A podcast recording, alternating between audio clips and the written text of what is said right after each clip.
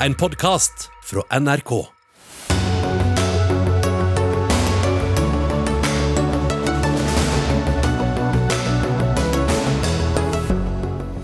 En eh, skamløs krenking av FN-pakten. USAs president og verdensledere svarer på den russiske presidentens atomtrusler og krigsmobilisering.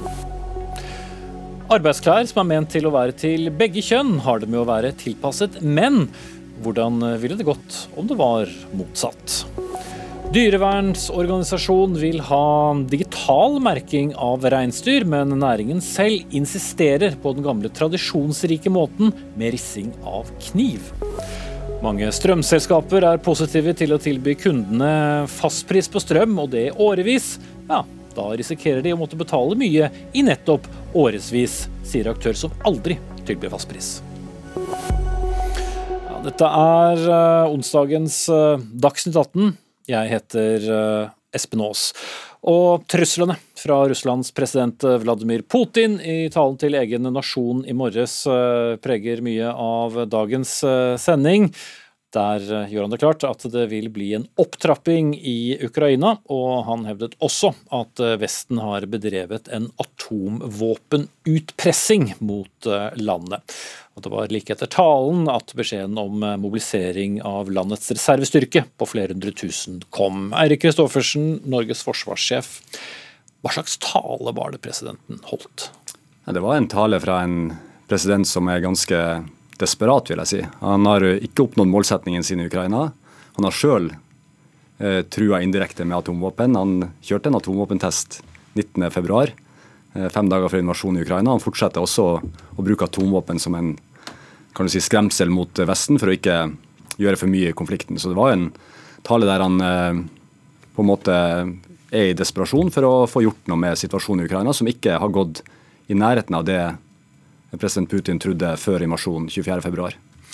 Men når du sier det du sier, betyr det at du ikke lar deg skremme av det han sier? Jo, vi skal la oss eh, skremme av det han sier, for det er spesielt for Ukraina. Men vi skal ikke la oss skremme av at han truer med atomvåpen mot Vesten, for det, har han ingen grunn til å bruke, og har ingen interesse av å bruke det heller. Det, det er for å på en måte bekrefte at, at uh, han ikke skal ha innblanding fra Nato andre steder i Russland enn sånn at han kan drive krigen i Ukraina på, på egen hånd, uh, uten at han må bekymre seg for andre steder. Og Det har han vist at han vet at han kan gjøre òg. Han har flytta så store styrker fra både nordområdene og hele østflanken mot Nato til Ukraina, nettopp fordi han vet at Nato ikke er en trussel mot, uh, mot Russland. Uh, sånn at han kan bruke massive styrker i, i, i, Ukraina. Men dermed er han vel ikke bare desperat heller, i og med at han er for vår del sørgelig klar over sitt eget handlingsrom? Ja, jeg tenker at han er det. Og, og, For Russland så har det vært en veldig kostbar krig. De har mista mye folk, de har mista mye materiell, de er redusert betydelig konvensjonelt. og Derfor må han nå mobilisere 300 000 soldater, som han har gjort i første omgang. Eh, for å kunne fylle opp for de tapene han har tatt. Det har vært betydelige tap eh, både av liv, men også av skadde soldater. Men ikke minst også store mengder materiell og ammunisjon. Så, så, krigen har kosta dyrt for Russland. og, og eh, Alternativet til å mobilisere nå er å, å gå på et sakte tap i Ukraina. og det, det vil ikke president Putin nå.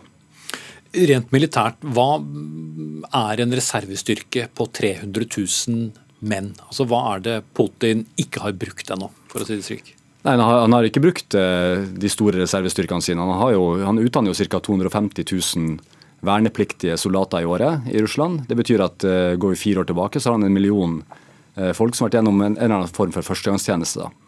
Og Det er jo de folkene han kaller inn nå. de er jo ikke trente avdelinger, de er ikke satt sammen i, i det vi kaller bataljoner eller, eller brigader. Det, det, er enkeltsoldater, enkeltbefal, offiserer, som er i reservestyrken, som nå kalles inn for å fylle opp for mange av de tapene som de har lidd i, i Ukraina. Og, og, Det blir vanskelig å sette sammen de her folkene til kan du si, kampklare avdelinger som skal gå inn og slåss mot en veldig motivert eh, ukrainsk eh, militærmakt som, som, har vist stor fremgang i det siste. Mm.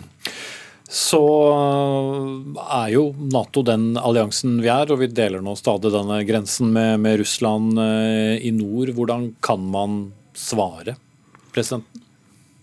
Nei, Nato svarer jo ikke på de truslene sånn sett. Nato har gjort en rekke tiltak. Vi har økt beredskapen både i Nato og i Norge. Vi gjorde de første beredskapstiltakene i forsvar i Norge 8.12. i fjor, og det har vi fortsatt å, å å innføre flere beredskapstiltak for å være klar for det uforutsette. Samtidig så ser vi at aktiviteten på russisk side, både langs østgrensen mot eh, Nato, men også i vårt eget nærområde i nord, er, er liten. Eh, den er, den er, mindre enn det vi hadde forventa på den tida her, også på havet og i lufta. Eh, og på landsida så er det veldig reduserte styrker igjen på, på Kola. De fleste er sendt til Ukraina, og, og, mange av dem er blitt drept eller skadd også i Ukraina. Mm. Dette er altså den første tale til nasjonen da siden februar, og vi vet jo alle hva som skjedde på den tiden. Det var jo på en måte knyttet en, del spenning til ordlyden eh, Putin eh, kom til å bruke. Var det noe i talen som overrasket deg? Det overraska meg at han var såpass eh, klar i forhold til det med atomvåpen. Altså det, det trengte han jo egentlig ikke å si. Nato har jo vist at vi ikke blander oss inn militært i konflikten i, i Ukraina. Men det som, som kanskje vi må ta med oss, det at eh, Ukraina kommer fortsatt til å trenge betydelig støtte. For nå viser president Putin at han er villig til å gå atskillig lenger enn det en militær spesialoperasjon som han brukte først, eh, tilsier. Nå, nå har han gått et steg videre. Nå kaller han inn reserver og mobiliserer for å, for å eh, ta tilbake det som er tapt, og for å oppnå et eller annet i Ukraina. Eh, og Det er vanskelig å si når Putin eh, på en måte sier at nå har vi oppnådd det vi ønsker. Han oppnår opplagt ikke det han opprinnelig ønska, men når er liksom nok, det, det, tror jeg ikke vi vet. Så, så, krigen er fortsatt mellom Russland og Ukraina, og Ukraina kommer til å trenge atskillig støtte fremover òg. fordi eh, jeg tenker at Russland fortsatt kan eskalere der. Eh, de har ikke brukt alt de har av flystyrker. De har ikke satt inn alt de har av eh, kan du si, landmakt heller. Så, så, Russland er fortsatt i stand til å eskalere denne konflikten, og, og da må Ukraina være i stand til å stå imot. Mm. Men det kan både bli, bli stygt og, og, langvarig? Ja, det er stygt allerede. Det er veldig stygt. Er, vi snakker om tusenvis av tapte på begge sider eh, som er drept, og vi snakker om mange mange flere skadde. Og Vi har jo sett de skadde som har blitt flydd ut eh, med bl.a. norsk personell eh, evakuert fra Ukraina. De, de er alvorlige skader. Eh, og at det blir langvarig, det er jeg også ganske sikker på. Eh, selv om det er vanskelig å spå om fremtida, så, så går det mot en sånn vinter der vi får en form for skyttergravskrig, som vi har snakka om før. Mm. Ok, Erik Kristoffersen, da sier vi takk til deg i eh, denne omgang. Men vi gir oss ikke med mm, situasjonen eller eh, de talene som, som er holdt. Vi skal straks til New York og vår mann der, men jeg har også politikere her i studio. og Ine Eriksen Søreide, leder i utenrikskomiteen på Stortinget for Høyre. Hva slags tale var det du hørte Putin avlevere i dag? Det har jo vært eh, sagt fra mange hold nå at det er en uh, tydelig tale på ett vis. Den er jo full av løgner, som det meste annet Putin driver med, og historieforvrengning. Uh, men det er jo også et veldig klart budskap i den talen, som han gjentar fra tidligere, og det er at han ønsker jo prinsippet å utslette Ukraina som nasjon, og det kan ikke verdenssamfunnet tillate at han gjør. Mm. Vi skal snakke mer om litt, men nå har vi kontakt med vår mann i New York. Eh, Anders Tvegård, USAs president Joe Biden eh, svarte langt på vei eh, Putin og snakket om Putins skamløshet. Hva mer var det han sa i FN? Ja, Han sier at eh, den eh, russiske presidenten bryter FN-pakten eh, helt skamløst, og at han kommer også med trusler, atomtrusler, noe som er uhørt. Salen her i FN-hovedkvarteret var full da den amerikanske presidenten snakket om krigen, og det er krigen i Ukraina som overskygger mye av denne toppmøteuka her i FN. Akkurat nå så har også Norges utenriksminister kommet ut for å skulle kommentere eh, hvordan hun opplevde Bidens tale. Vi står eh, bak her. Og også da utenriksministre og statsministre fra andre nasjoner kommer ut i denne rosehagen foran FNO-kvarteret for å sende sine budskap hjem. Mm. Og, og, og, hva slags spenning er det blant delegatene på, på, en dag hvor, hvor Putin da holdt sin første tale til nasjonen siden krigen startet? Ja, Det er eh, fortsatt tidlig her i New York, så det er jo eh, egentlig en nyhet som eh, flere har våknet opp til, og, en tale. Men allerede i går, da vi hørte om planene om folkeavstemninger, så var stats- og regjeringssjefer fra vestlige land ute og fordømte, kalte det en, en parodi.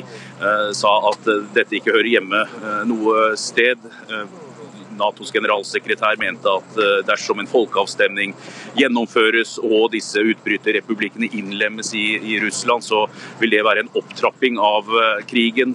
Norges statsminister Jonas Gahr Støre han mente at det er å tilrane seg land på et ulovlig vis. Han brukte ord som fryktelig om, om den nyheten. Disse aktørene skal også komme med sine reaksjoner på Putins tale utover kvelden. Vi har med eh, statsminister Støre i Dagsrevyen f.eks.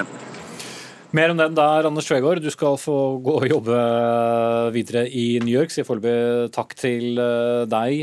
Guri Melby, leder av Venstre. Vår egen forsvarssjef ble overrasket over at Putin var såpass fokusert på egne atomvåpen.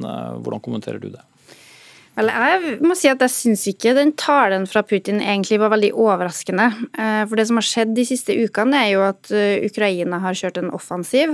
De har tatt tilbake områder som Russland opprinnelig hadde okkupert. Eh, og på et eller annet tidspunkt så var jo Putin nødt til å svare på det. Og det han har svart på i dag, er jo da gjennom å si økt mobilisering og folkeavstemning, og atomvåpentrusselen er jo heller ikke ny, den har jo hele tida også ligget der eh, bak oss. Eh, så jeg, jeg, tenker at Putin nå var på en måte tvunget opp i et hjørne der han hadde to valg. Enten så kunne han eh, trekke seg ut, noe veldig få tror at skulle skje, eller så må han på en måte trappe opp og eskalere. Og nå ser vi jo at det siste skjer. Så blir det jo interessant å følge med på hva betyr denne eskaleringa i praksis da på bakken. Det å mobilisere 300, soldat, 300 000 soldater det er ikke noe du gjør over natta, det vil ta lang tid. De må ha opptrening, de må ha våpen, de må ha utstyr. Eh, så hva det her vil bety i praksis, er jo litt tidlig å si, men jeg tror jo forsvarssjefen har helt rett i at det går mot en sånn eh, utmattelseskrig. Det kan bli en veldig tøff og lang vinter. Og der tenker jeg at det viktigste for Norge og for vestlige ledere er jo at vi nå ikke lar oss utmatte. Eh, at vi ikke lar Putin vinne med den strategien. Det kan bli vanskelig. Vi går inn i en vinter med høye energipriser, stor eh, uro i mange land. Eh, så det å greie å på en måte stå imot og fortsatt støtte Ukraina med våpen, med økonomisk hjelp og med alle de midlene vi kan, slik at ikke Putin vinner en utmattelseskrig, det tror jeg nå blir helt avgjørende. Mer av det samme, Søreide? Ja, og jeg tror det er viktig å huske på historien her, som er ganske lett å glemme når vi står midt i den voldsomt brutale krigen som Putin på helt urettmessig og uprovosert vis har påført Ukraina. Og det er at Russland har drevet krig i Ukraina i åtte år. Eh, det vi så i talen og det vi så i går med annonsering av disse såkalte folkeavstemningene, som jo er fullstendig illegitime og ikke har noe plass i folkeretten, det er jo en reprise av det som har skjedd tidligere. Folkeavstemninger i områder der det som, står russiske soldater? Ja, som er under russisk okkupasjon. Eh, og dette handler jo eh, dypest sett om å skaffe seg kontroll og å kunne si, da, som han jo også sa i sin tale i dag, at de skal beskytte russere der de er. Og det vil jo da si at når han da forsøker på ulovlig vis å innlemme enda mer av Ukraina som russisk territorium, så vil jo det si at han da kan si at eh, enhver som kriger der og kriger mot Russland, eh, kriger da mot Russland på Russlands territorium. Det er selvfølgelig ingen sannhet i det, og det har jo heller ingenting å si for Ukrainas fulle rett til å befri og ta tilbake sine egne landområder. Eh, og det har selvfølgelig heller ingen folkerettslig betydning. Men dette er også måten han agerer på, og dette er måten de har drevet krigføring på i åtte år. og som som jo nå ser, så er jo et av de fremste virkemidlene russerne har, i tillegg til trusler om bruk av atomvåpen, i tillegg til mobilisering og hva skal vi si, denne typen taler som skal true også andre naboland, det er jo å bruke eh, altså det å forsøke å splitte Vesten, eh, både mellom land og internt i land, for å legge press på regjeringer, sånn at regjeringer blir svakere i møte med sanksjoner, og også blir svakere i støtten til Ukrainas frihetskamp. Og Det er her jeg nå er litt bekymra over at eh, mange land begynner å oppleve en slags trøtthet i møte med en stadig mer brutal, brutal krig. Og der må vi stå opp for Ukraina. Vi må sende mer våpen, vi må sende mer humanitær hjelp, vi må bidra til gjenoppbygging, og vi må fortsette å fordømme og aldri, aldri akseptere den veien Putin nå legger ut. Mm. Men det betyr også økt bevæpning av, av, Ukraina eh, som svar på det Putin gjør med å sende flere styrker, og potensielt en enda mer ødeleggende og langvarig krig? Ja, det er klart at Uten den våpenhjelpa som Ukraina har fått fram til nå, fra både Norge og fra andre land i Vesten, så ville jo ikke vi vært der vi er i dag, at Ukraina faktisk fortsatt greier å stå imot Putins urettmessige krig. Eh, og For at de skal fortsette å greie det, også når Russland trapper opp, så er det jo helt avgjørende at vi øker vår støtte både i form av direkte våpendonasjoner, i form av kollektiv fordømmelse, i form av humanitær hjelp og all annen bistand som Ukraina trenger. Og Jeg ser jo det samme bildet som det Ine Marie Eriksen Søreide peker på her. Altså, det er en fare nå i mange land også i Norge, eh, for at både politikere og befolkninga trøtner.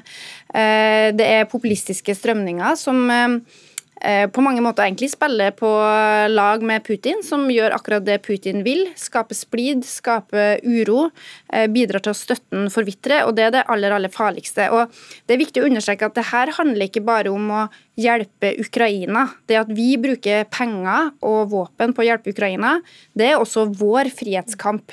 For hvis Putin kan eskalere en sånn krig, og dermed få viktige seirer, så blir jo på en måte Det han lærer av det, er at det er måten å gå fram på. Hvis han kan true med atomvåpen, og det gjør at vi trekker oss ut, så lærer jo han at det er det som funker. Så det er jo enda viktigere enn før, også for vår egen sikkerhet, at vi fortsetter å stå imot, og at vi øker støtten. Mm. Og noe som diplomati eller form for forhandlinger, det er, helt, eh, altså det er ikke reelt? Altså Putin må trekke russiske styrker ut av Ukraina. Eh, og det er klart at Sånn som situasjonen er nå, hvor Russland har tatt ja, i underkant av 20% av Ukrains territorium, eller har kontroll over det, så er det jo heller ingen av dem som på bakken har en så sterk stilling at de ønsker å gå inn i forhandlinger. Eh, det gjør man jo først når situasjonen er på et sånt nivå at man føler man kan vinne, eller man kan vinne fram på bakken. Eh, og Det er jo den harde og brutale realiteten. og Det er altså bare én ting som kan stoppe denne urettmessige krigen, og det er at Putin trekker sine styrker ut. Og det ser jo ikke så lyst ut, da. Det, nei, det gjør det absolutt ikke. Men nettopp derfor er det desto viktigere at vi nå gjør mer av det Vesten har vært veldig flinke til de siste sju månedene månedene, nemlig å vise samhold. Eh, noe av det som eh, kanskje har vært enda viktigere enn hva sanksjonene har inneholdt, har vært at vi har stått sammen om dem.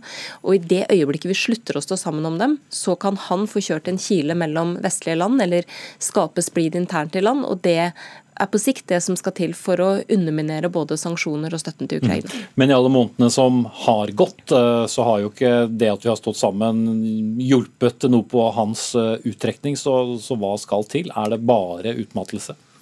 Altså, eh, Hvis vi ikke hadde stått sammen, så hadde nok veldig mye mer enn 20% av Ukraina nå vært okkupert av russerne. Så det har jo hjulpet i betydelig grad, men du har jo helt rett i at det har ikke ført til at eh, Putin har trukket seg ut. Nei, Hvis det er målet, men, hvordan kommer vi dit? Men det vi også ser nå, da, er jo også flere tegn til større intern opposisjon både blant befolkninga og også kanskje internt i Putins krets. Og Det er jo kanskje det vi kan håpe på som et resultat av denne eskaleringa. Det er jo varslet mange demonstrasjoner i Russland i kveld.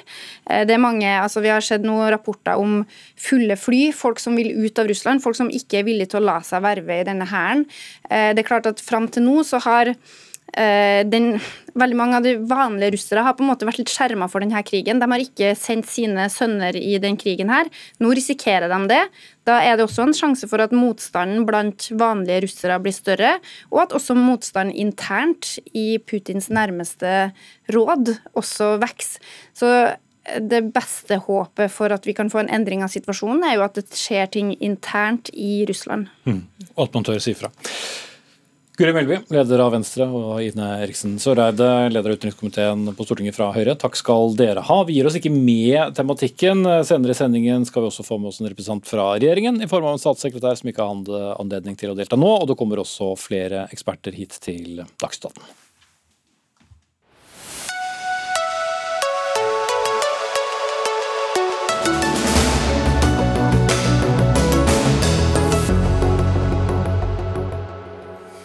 Og vi skal ha det vi kan kalle et uh, solid uh, temaskifte i uh, Dagsnytt 18 nå. For tradisjonell knivmerking av reinkalvers ører skaper strid. Drøyt 3000 personer deltar i samisk reindrift, og i forrige sesong ble det produsert rundt 1450 tonn med kjøtt. Etter at Landbruksdirektoratet denne uken lanserte en digital løsning for å samle landets 3704 fire reinmerker, så skal en ny reindriftslov ut på høring og behandles både i Sametinget og i Stortinget. Men eh, det foreligger ingen planer om å erstatte det som er den gamle merketradisjonen med kniv med datachips for rein. Og Leif Anders Somby, du er reineier og nestleder i Norsk reindriftssamers landsforbund, med oss på linje fra Magerøya i Finnmark, der dere er i gang med slakt. Til Klassekampen i dag så sier du at det er ikke aktuelt å gå bort fra den tradisjonelle måten da, å merke ørene med, med kniv. Hvorfor det? Ja, god dag. Og, og, eh, for det første så vil jeg jo gratulere med den nye appen som kom, ble lansert, og så gratulere med et, et godt eh, utkast til ny reindriftslov, som du også nevner her innledningsvis. Eh, det med, det med tradisjonelt øremerking, det med å merke snitt med, med kniv, har, har en lang, lang, tradisjon i det reindriftssamiske. Og vi har på en måte gode referanser på at det her er er den beste måten å gjøre det på, både for oss som driver med reindrift, eh, for at det er jo en del av både oppdragelsen og det er en del av kulturen vår. så Det, det med reinmerke er som en, som en, slektsbok, og det er på en måte et, en utrolig verdifull full, uh, ting å ha for oss enkelte reineiere. og Det er på en måte noe av det, måte, det mest dyrebare vi har, bortsett fra rein. da. På, på hvilken og, måte er det dyrebart? Ja, det, det, har jo det med, at, det med, at, du har på en måte eh, en tilhørighet til, til noe som er større enn deg sjøl. Altså, du har en tilhørighet til, til, til, en næring som er på en måte ikke bare en næring, men også livsstil, en livsstil verdt over, over flere generasjoner. Og, og det med å, det, selve det her øremerket det er jo nesten som et, som et ansiktsuttrykk, eller som på en måte også som, som på en måte et pass som viser vår, vår tilhørighet. og, og dyre øremerket viser også, har også mye nyanser som viser mye ting som på en måte du ikke klarer å, å lese sånn direkte, men som du, som du, kan se av når du på en måte setter deg litt inn i de her sakene. her. Og det med å erstatte, erstatte, det tradisjonelle øremerket med, med, noe annet, det er jo noe som vi i reindrifta har gått sterkt imot allerede ved forrige korsvei. og Det er jeg veldig glad for at det nye reindriftslovutvalget fremdeles opprettholder. Det er riktig. Men eh, Siri Martinsen, talsperson for dyrevernsorganisasjonen NOAH, da vi snakket med deg før sending, så sa du at denne knivmerkingen eh, må forbys også for eh, rein, selv om da direktoratet mener noe annet. Hvorfor er det viktig? Eh, ja, det stemmer. Eh, det er jo forbudt å eh, merke alle andre dyr ved da å skjære i dem uten bedøvelse. Og det bør gjelde rein også, for rein har akkurat samme smertefølelse og fryktfølelse som alle andre dyr, og da bør dyrevelferdsloven også gjelde for dem. Vi har jo fått ganske mange Men vet vi at det er spesielt smertefullt? Ja, det å bli skåret med kniv i øret, det er smertefullt for uh, alle uh, dyr. Uh, så, så, det vet vi jo. Mattilsynet sier jo at det er unødig lidelse når det gjøres på sau. og det er jo ingen som ville finne på å merke katten eller hunden sin på den måten, selvfølgelig. men vi har jo veldig mange merkemetoder som faktisk ikke er smertefulle. Altså, vi merker veldig mange dyr. Man merker familiedyr, landbruksdyr. Eh, et ville dyr i forskningssammenheng, så man har alternativer. Og Da gjenstår på en måte én en eneste grunn til å fortsette med dette, og det er tradisjon. Og det, er og det var et sterkt argument herfra også, men du mener at det må vike?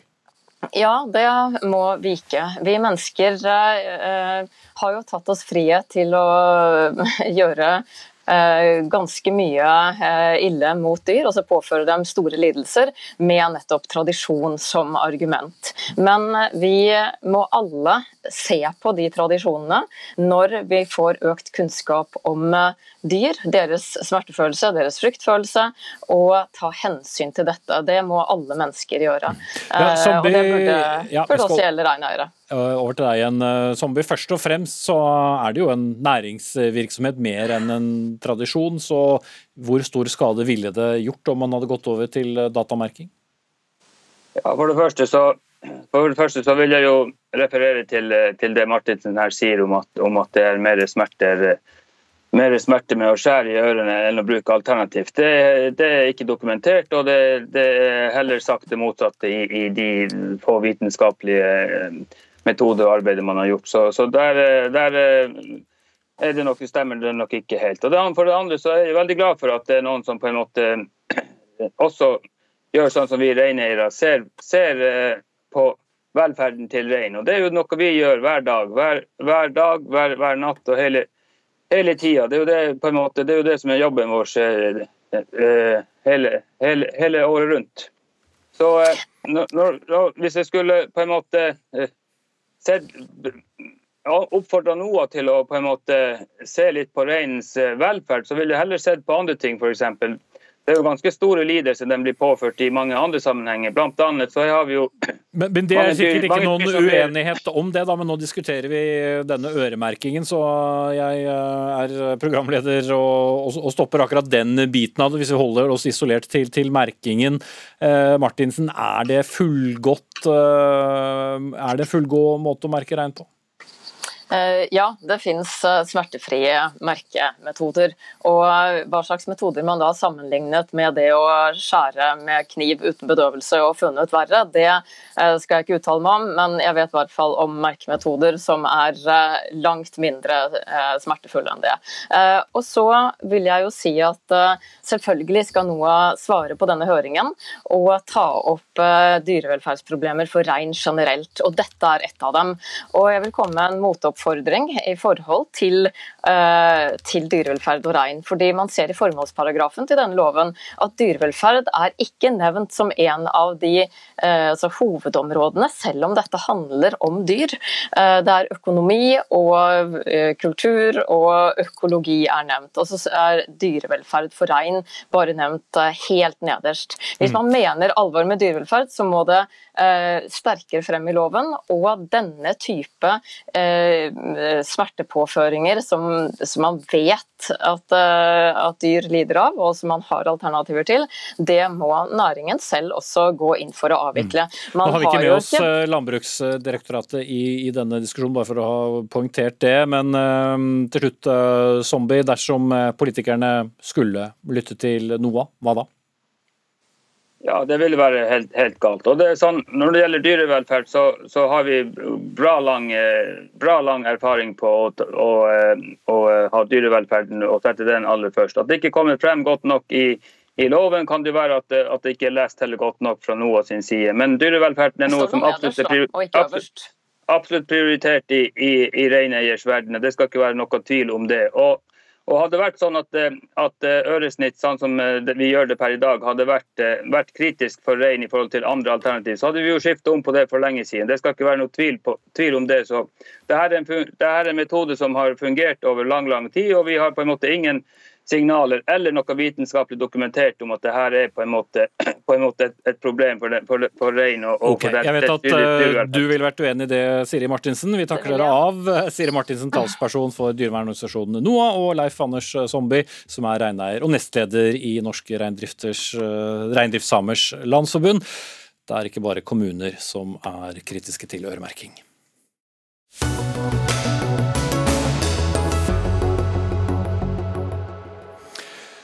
Strøm nå. For som kjent har regjeringen foreslått at kraftselskapene skal kunne tilby fastprisavtaler til strømkundene sine, ja i opptil tre, fem og sju år lange kontrakter, faktisk.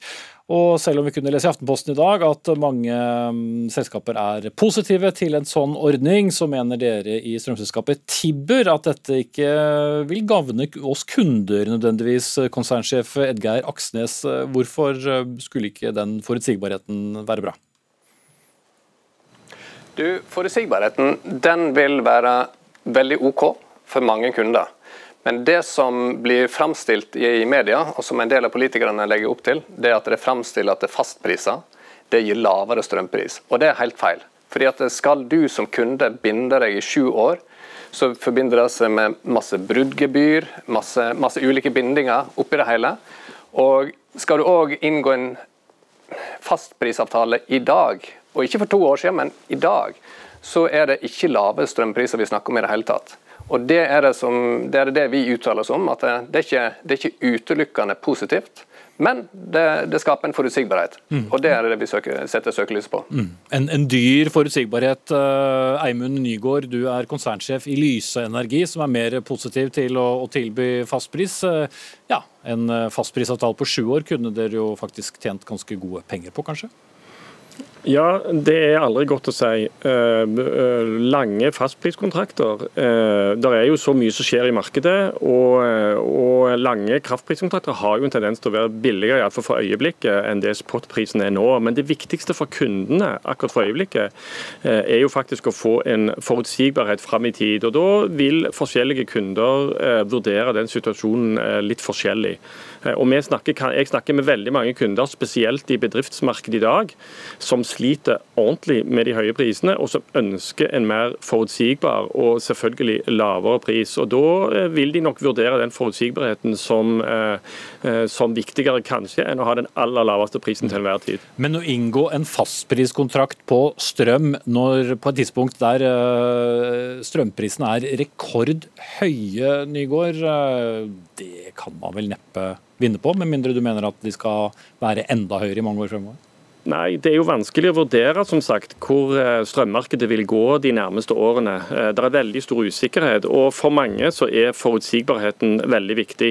Eh, når vi har uttalt oss om, om fastpriser, så har vi først og fremst tenkt på bedriftsmarkedet.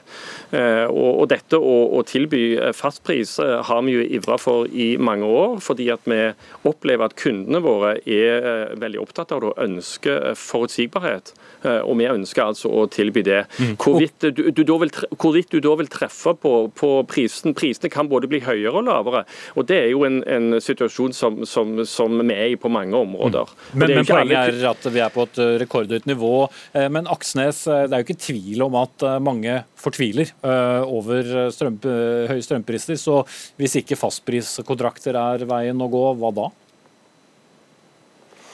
Det, som er saken er at For de som trenger forutsigbarhet, så er det klart at dette er et alternativ. Det som får lavere strømpris, der har vi jo i dag hjelp av um, strømstøtten vi får fra regjeringa osv. Det, det er med å hjelpe til det. Men det jeg savner her, det er egentlig det som skal være med å løse problemet. Et eksempel er en studie som nettopp ble gjort i Sverige, kom ut i forrige uke det at hvis svenskene hadde redusert strømforbruket sitt med så lite som 10% altså totale, totale forbruket, da vil strømprisen kunne halvere seg i Sør-Sverige. Jeg savner den typen eh, innsikter, analyse, tiltak for å faktisk løse det grunnleggende problemet. Ikke bare se på produksjon, ikke se på sånne, sånne litt sånn symbolpolitikksaker, men faktisk løse de grunnleggende problemene. Og hvis strømprisen blir lav, så vil ikke folk eh, være like interessert i å spare? Hvis den blir for lav, så eh, vel, vi, vi, var jo, eh, vi var jo i en situasjon i 2020, det er to år siden. Da var strømprisen nesten på null. allikevel så har jo du som kunde en kostnad med nettleie og alt mulig sånt. Men akkurat nå så er strømprisen veldig høy, og det som kan hjelpe da, og som kan hjelpe ganske umiddelbart, er jo nettopp innsparinger.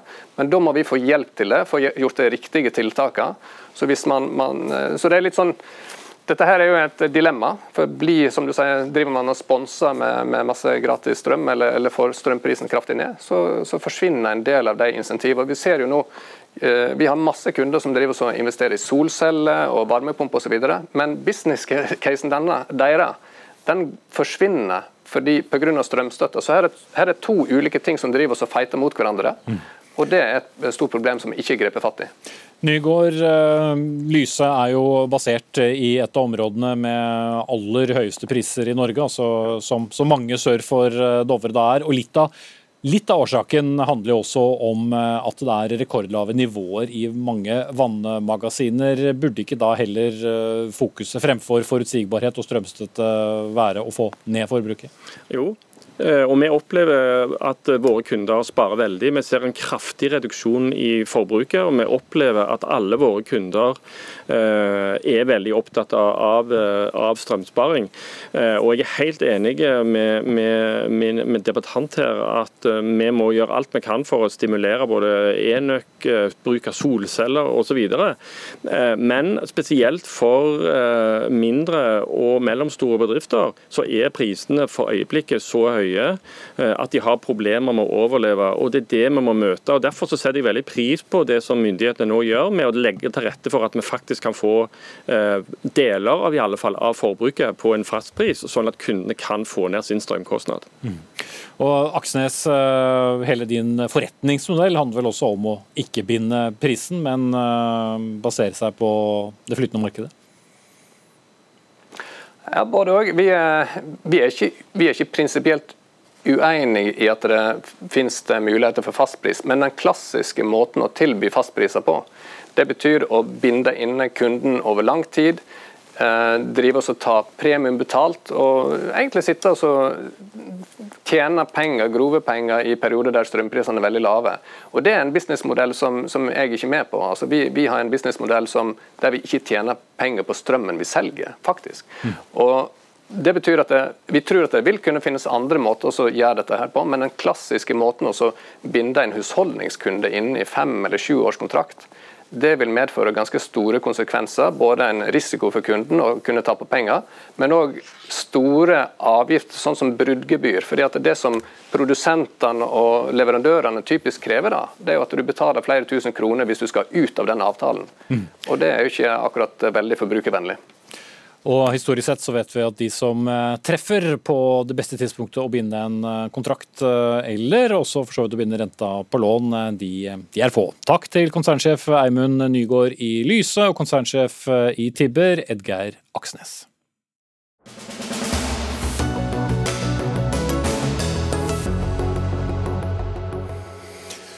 Hvordan ville det vært om eh, mannlige sykepleiere fikk eh, litt for små munnbind under pandemien, eller om mannlige fabrikkarbeidere måtte gå i klær som var for korte i bena og for trange over magen? Ja, Grunnen til at vi stiller spørsmålet er eh, en diskusjon rundt såkalte unisex-plagg, eller standardiserte arbeidsplagg, som altså skal passe begge kjønn men som har det med å bli tilpasset menn, og ikke omvendt. Og Helle Cecilie Palmer, journalist og kommentator i Agenda Magasin, du har uh, tatt opp uh, dette. og På hvilke felt er det mannen her setter standarden, hvis jeg kan få bruke den ordlyden?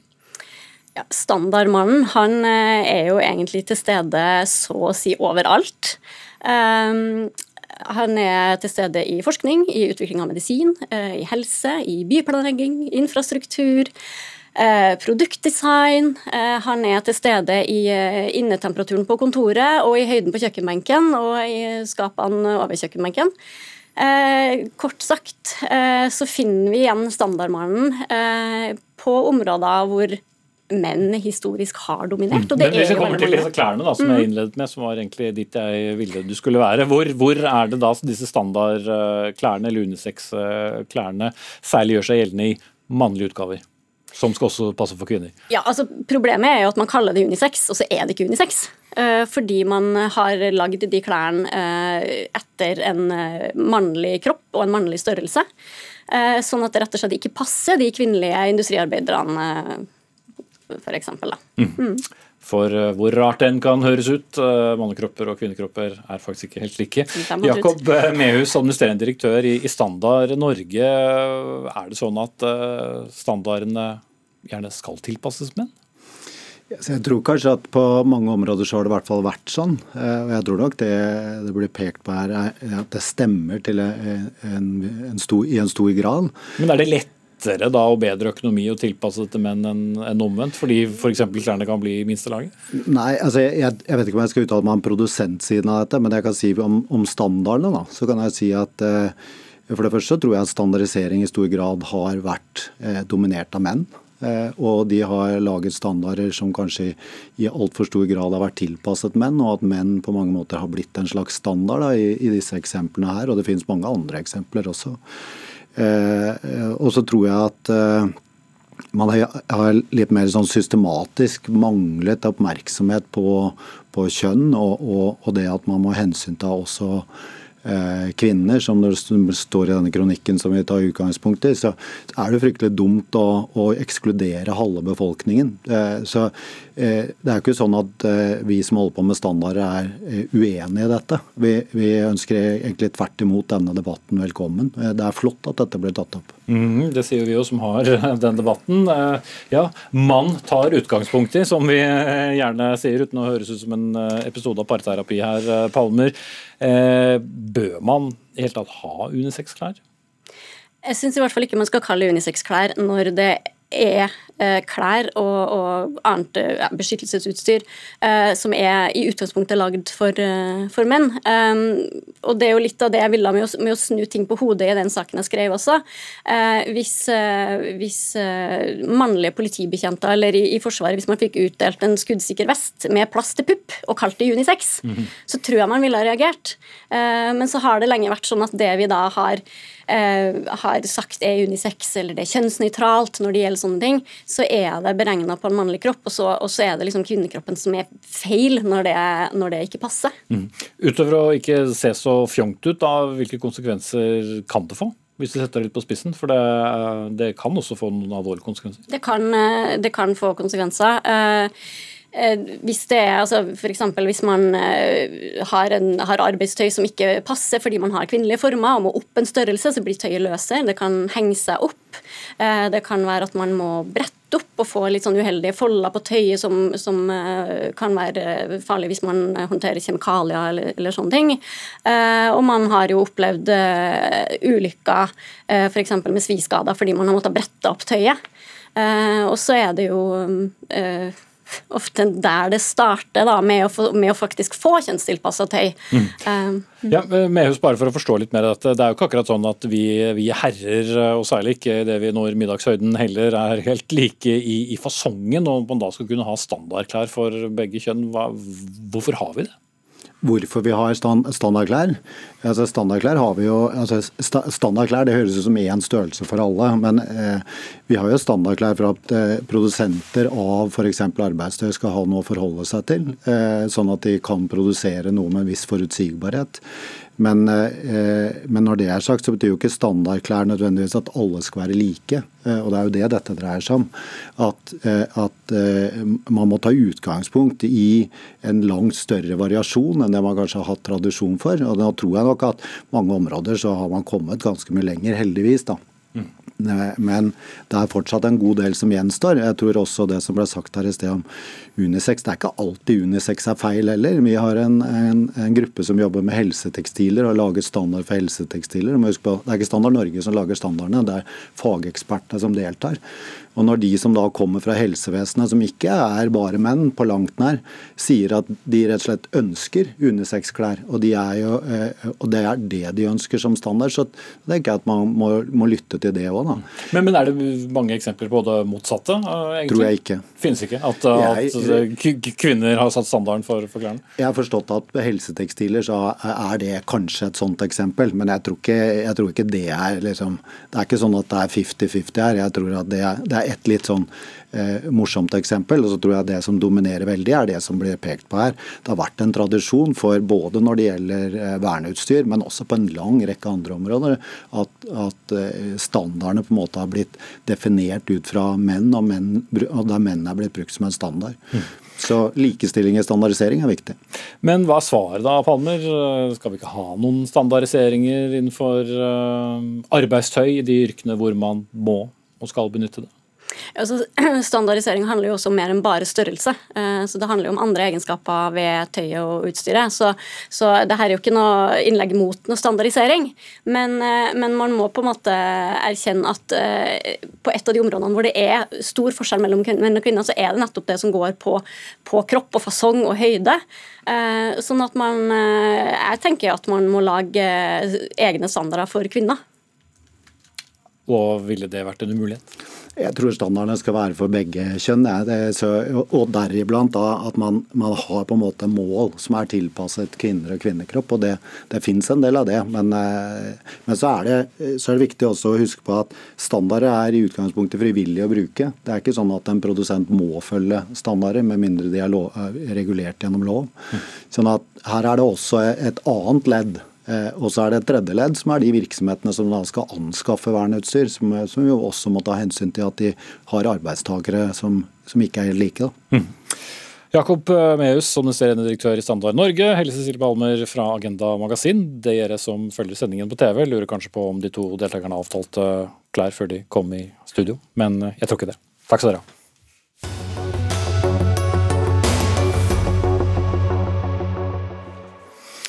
Vi eh, skal tilbake til eh, vårt eh, hovedoppslag, som altså handler om talen til nasjonen som Putin holdt i morges, og ikke minst de mange reaksjonene som har kommet i kjølvannet av den. Og som jeg har vært inne på tidligere sendingen, Norge deler jo som kjent grense med landet som president Putin talte til i dag. Og statssekretær Eivind Wad Petterson, du er nå med oss på linje. Skal Norge komme med noe slags svar på en sånn tale? Vi har jo på sett og vis eh, allerede svart. Vi har sagt tydelig fra eh, at dette er dypt alvorlig og noe vi tar eh, sterk avstand fra. Fra statsministeren og fra utenriksministeren. Og vi skal si fra videre når f.eks. Sikkerhetsrådet møtes i morgen i New York og statsministeren vil delta fra Norge. Mm. Men hva, hva konkret vil Norge gjøre utover det? Konkret så handler det å fortsette som vi har gjort, å stå sammen med våre allierte i Europa. Eh, om å ta avstand fra det Russland holder på med, og om å støtte Ukraina. Det skal vi så definitivt eh, fortsette med. Så eh, var vi inne på problematikken rundt atomvåpen, som jo ble nevnt opptil flere ganger i talen til Putin eh, i dag. Anser regjeringen dette som en reell trussel? Det er i hvert fall språkbruk vi skal ta på dypt alvor, og det gjør vi. Men så må vi også ha i mente at det å snakke om eh, og vise til, og om til og med true med atomvåpen, i seg selv er et viktig redskap. Et, et våpen, eh, hadde nær sagt, eh, som Russland nå gjør bruk av.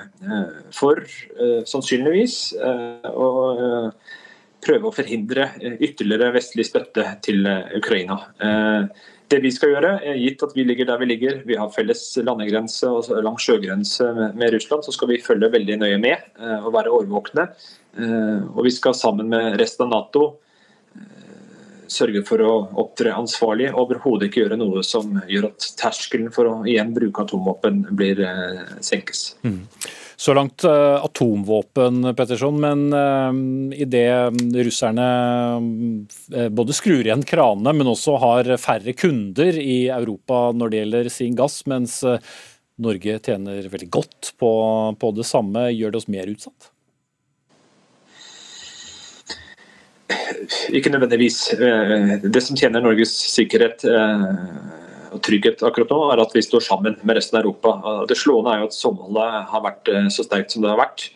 Jeg tror også det er veldig bra for at det samholdet skal fortsette. Det vi har sett på, på bakken i Ukraina de siste ukene, nemlig at ukrainerne ikke bare har vært i stand til å yte motstand, de har vært i stand til å ha framgang og drive tilbake den russiske invasjonen.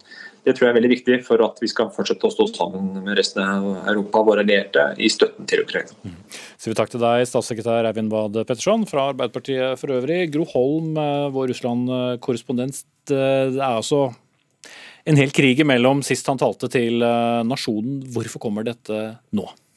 Jeg tror det kommer fordi han for det første har opplevd den, det nedlaget, militære nederlaget som, som, Russland og de russiske styrkene har gjort i Kharkiv. Eh, hvor ukrainerne var på offensiven og russiske soldater ble drevet på flukt. Det finnes bilder av det overalt på sosiale medier. Eh, stridsvogner osv. forlatt i veikanten. Fortellinger om soldater som flykter på sykkel. Han måtte gjøre noe. Eh, og så eh, har det jo vært lenge vært snakk om at det trengs flere soldater for å bare forsvare den fronten som russerne har eh, holdt, og nå fortsatt holder, delvis i, i, i flere av disse fylkene. Så det trengs flere soldater, og det presset tror jeg også kommer fra Forsvaret selv. At de ber om flere soldater. Eh, og så eh, tror jeg også det spiller en viss rolle at Putin opplevde nok da han møtte bl.a. Kinas president Xi og Indias statsminister på et møte i Samarkand i Usbekistan nå nylig i forrige uke, så opplevde han et visst press på å få orden i eget hus og få orden på dette med konflikten i Ukraina. og Modi sa til meg at det var ikke tid for krig nå. Og han er i ferd med å bli en belastning for selv sine venner internasjonalt. Men kan han også bli en belastning for sitt eget folk? Eh, litt av det som har vært sagt mange ganger gjennom denne krigen, er at russerne merker ikke at det er så mye krig. Men når deres president da holder sin første, første tale til nasjonen siden eh, februar, og sier at det skal settes inn flere hundre tusen flere soldater, så er jo det i hvert fall en beskjed om at eh, landet er i krig. Absolutt. Og nå, Jeg sitter akkurat her med et telegram fra Reuters, fra nyhetsbyrået Reuters som sier at nå eh, begynner allerede folk, ikke minst leger, å få innkallinger til sesjon. Og det, det, er snakk om her at, og det er en advokat, en menneskerettsadvokat som sier det at det, det er slik at arbeidsgivere kan komme til å oppleve at deres arbeidstakere ikke kommer på jobben neste dag. De er allerede innkalt. Mm. Så dette skjer fort. Og den listen over de eh, mer sånn spesialiststillingene som trengs, og som eh, forsvarsminister Sergej Sjojgu nevnte i et intervju, den, den, er ikke offentliggjort. Så det er hemmelig. Så, så dette kommer russerne til å merke. Og vel å merke, eh, de kommer nok også til å merke det i St. Petersburg og Moskva i mye større grad enn de har gjort det nå. For det har jo rekrutteringen har jo skjedd særlig fra ikke bare landsbygdene, men fra mindre steder øst og sør i landet. Så forgreiningen eh, oppover til mer av Russlands elite kommer til å da bli mer, mer åpenbar enn det har vært tidligere? Ja, her kan vi si at det kalles inn eh, middelklasse, kanskje også barn av øvre middelklasse, og det vil nok være et sjokk for dem. Mm. Takk skal du ha, Gro eh, Holm. Kristian Aatland, sjefforsker ved Forsvarets forskningsinstitutt. Denne mobiliseringen har vi jo snakket om et par eh, ganger nå, men rent praktisk, hvordan er det den vil bli merket? Eh, på den måten som eh, nettopp ble nevnt her, ved at eh, krigen kommer inn i heimen til den jevne Men, men du tenker da i, hvis vi tenker på slagmarken og, og, Ukraina? På kort sikt vil den ikke endre styrkeforholdet lokalt. og Det har å gjøre med at det vil gå tid fra når denne mobiliseringsordren er blitt vedtatt, til nye soldater faktisk er tilgjengelig i dette operasjonsområdet i, i Ukraina. De skal innkalles, de skal eh, trenes, eh, utstyres, eh, avdelinger skal settes opp. og Dette kommer til å ta sannsynligvis flere måneder, muligens enda lengre. Så På kort sikt vil ikke Russland få noe, noen militær effekt av dette. Det... Så, så, så, hvis, de, hvis de, de, fortellingene er riktige om at de sliter mange, mange steder, så, så, kommer de til å fortsette å svekkes inntil disse reservestyrkene faktisk kan sendes? Det tror jeg er riktig. og Det betyr at Ukraina nå har et tidsvindu der de kan fortsette offensiven fortsette å ta tilbake territorium. Og når Russland da en gang er klar, kanskje eh, mars, kanskje en gang på vårparten med, med, flere styrker, så vil Ukraina da kontrollere enda større deler av sitt, sitt territorium. Det betyr at de russiske styrkene da må håper å si, gjenokkupere, eh, altså okkupere for andre gang Eh, territorier som de tidligere har eh, kontrollert, og bruke materiell og soldater på, på det prosjektet. Mm. Iver Neumann, direktør ved Fridtjof Nansens institutt. Vi snakker jo om reservestyrker, vi snakker om atomvåpen, vi snakker om Nato. Tør aldri noen si noe om at det kan finnes andre løsninger enn militær og uttaling her? Det er jo, det er jo forhandlingsspill på gang, men uh, dette her, her, er ikke noe spesielt festlig. Jeg har vært blant dem som har ment uh, fra dagen fra dette begynte, at det var viktig å, å, holde en vei ut for Putin. At han kunne ta til vettet. For dette er jo ikke i verken uh, Russlands eller det russiske folks interesse i det hele tatt. Altså, dette er en, en en eh, situasjon som gjør Russland til en pariastat eh, internasjonalt, som fremmedgjør det fra sitt broderfolk for Ukraina, som er det nærmeste de har noen venner i verden, for iallfall to generasjoner og kanskje lengre. Så, så, eh, når Putin nå velger å, å trappe opp snarere enn å, å, å, trappe ned, så er det ekstremt alvorlig, og vi får forberede oss på det verste. Mm. Men dermed er det heller ikke noe poeng, nærmest, sier du, når det er det som er hans svar, å holde noen dører åpne? Å jo. Altså, det er alltid viktig å snakke med, med, motstanderen av den enkle grunn at det skjer nye ting hele tiden. Og eh, Det kan jo hende at man kan få noe ut, i alle fall når det gjelder ting av typen passe på at det ikke blir en atomkatastrofe rundt et av verkene som er involvert, eller sørge for at mat blir eh, eksportert eh, fra Odessa og Ukraina til Midtøsten og Nord-Afrika osv. Så, videre. så det er alltid en plass for diplomati, men når det gjelder å få, å få slutt på denne konflikten på slagmarken og gjøre den til mer av en avdempet lavintensitetskonflikt, så ser det jo ikke ut som det er noe åpning for det nå, nei. Mm. Gro Holm var litt inne på det. Kristian Notland, eh, russeres eh, hva skal vi si, positive tilnærming til at flere hundre tusen ekstra skal eh, settes inn på, på slagmarken eh, etter hvert. Eh, hvor stor er krigsviljen i det store russiske riket? Dette dette kan bli et uh, reelt problem for Putin. Sånn som situasjonen er nå, så han, han er pressa for det første militært, som vi har vært inne på, men han er nå pressa politisk. og Det presset kommer fra to kanter. Det kommer fra de som mener at Russland ikke kan vinne denne krigen. De er nok i mindretall i den politiske eliten, men vi har sett at uh, meninger om dette kom til uttrykk i russiske TV-debatter uh, osv. Bl.a. for to uker siden uh, med denne Boris Nadjesjtin som sa dette i beste sendetid på russisk TV.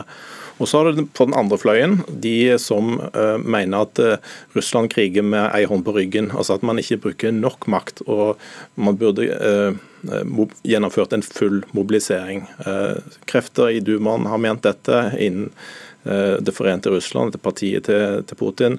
Kommunistpartiet Sjuganov har hatt meninger om dette.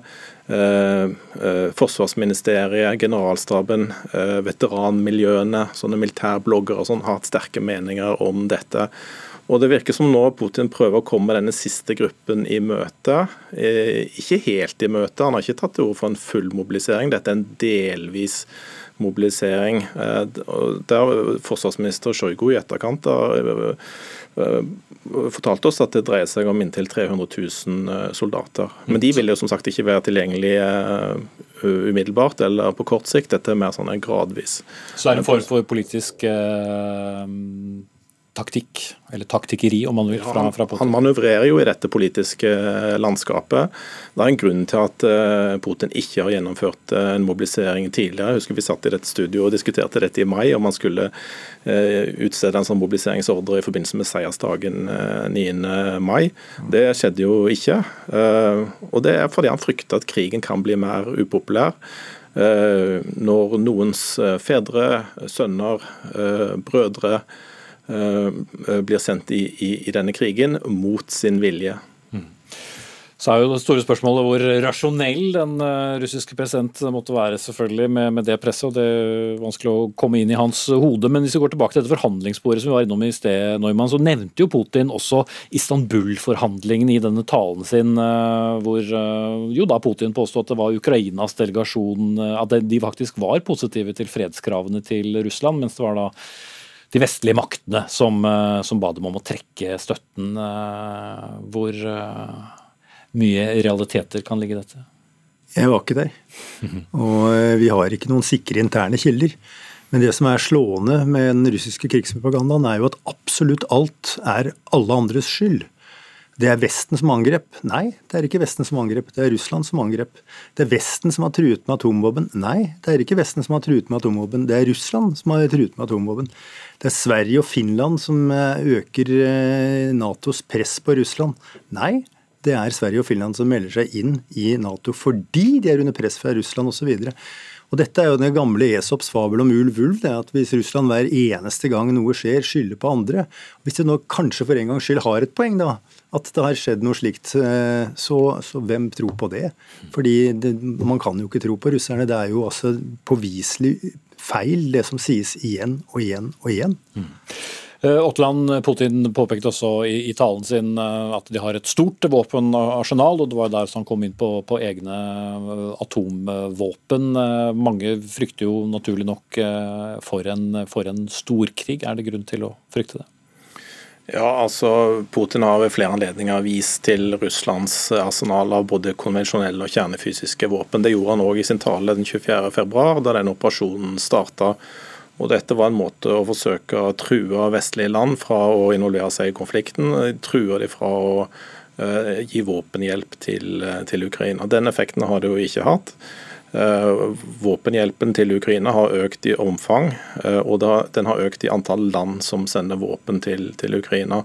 Og det er ingenting som tyder på at det er noe som vil bli reversert ved, ved disse nye truslene.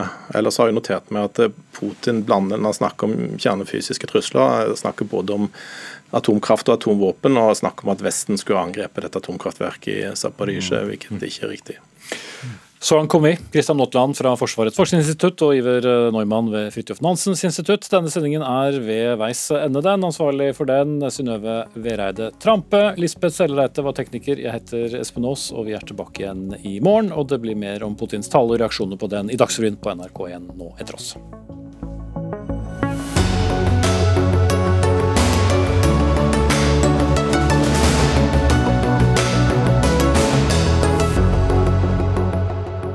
Du har hørt en podkast fra NRK. Hør flere podkaster og din favorittkanal i appen NRK Radio.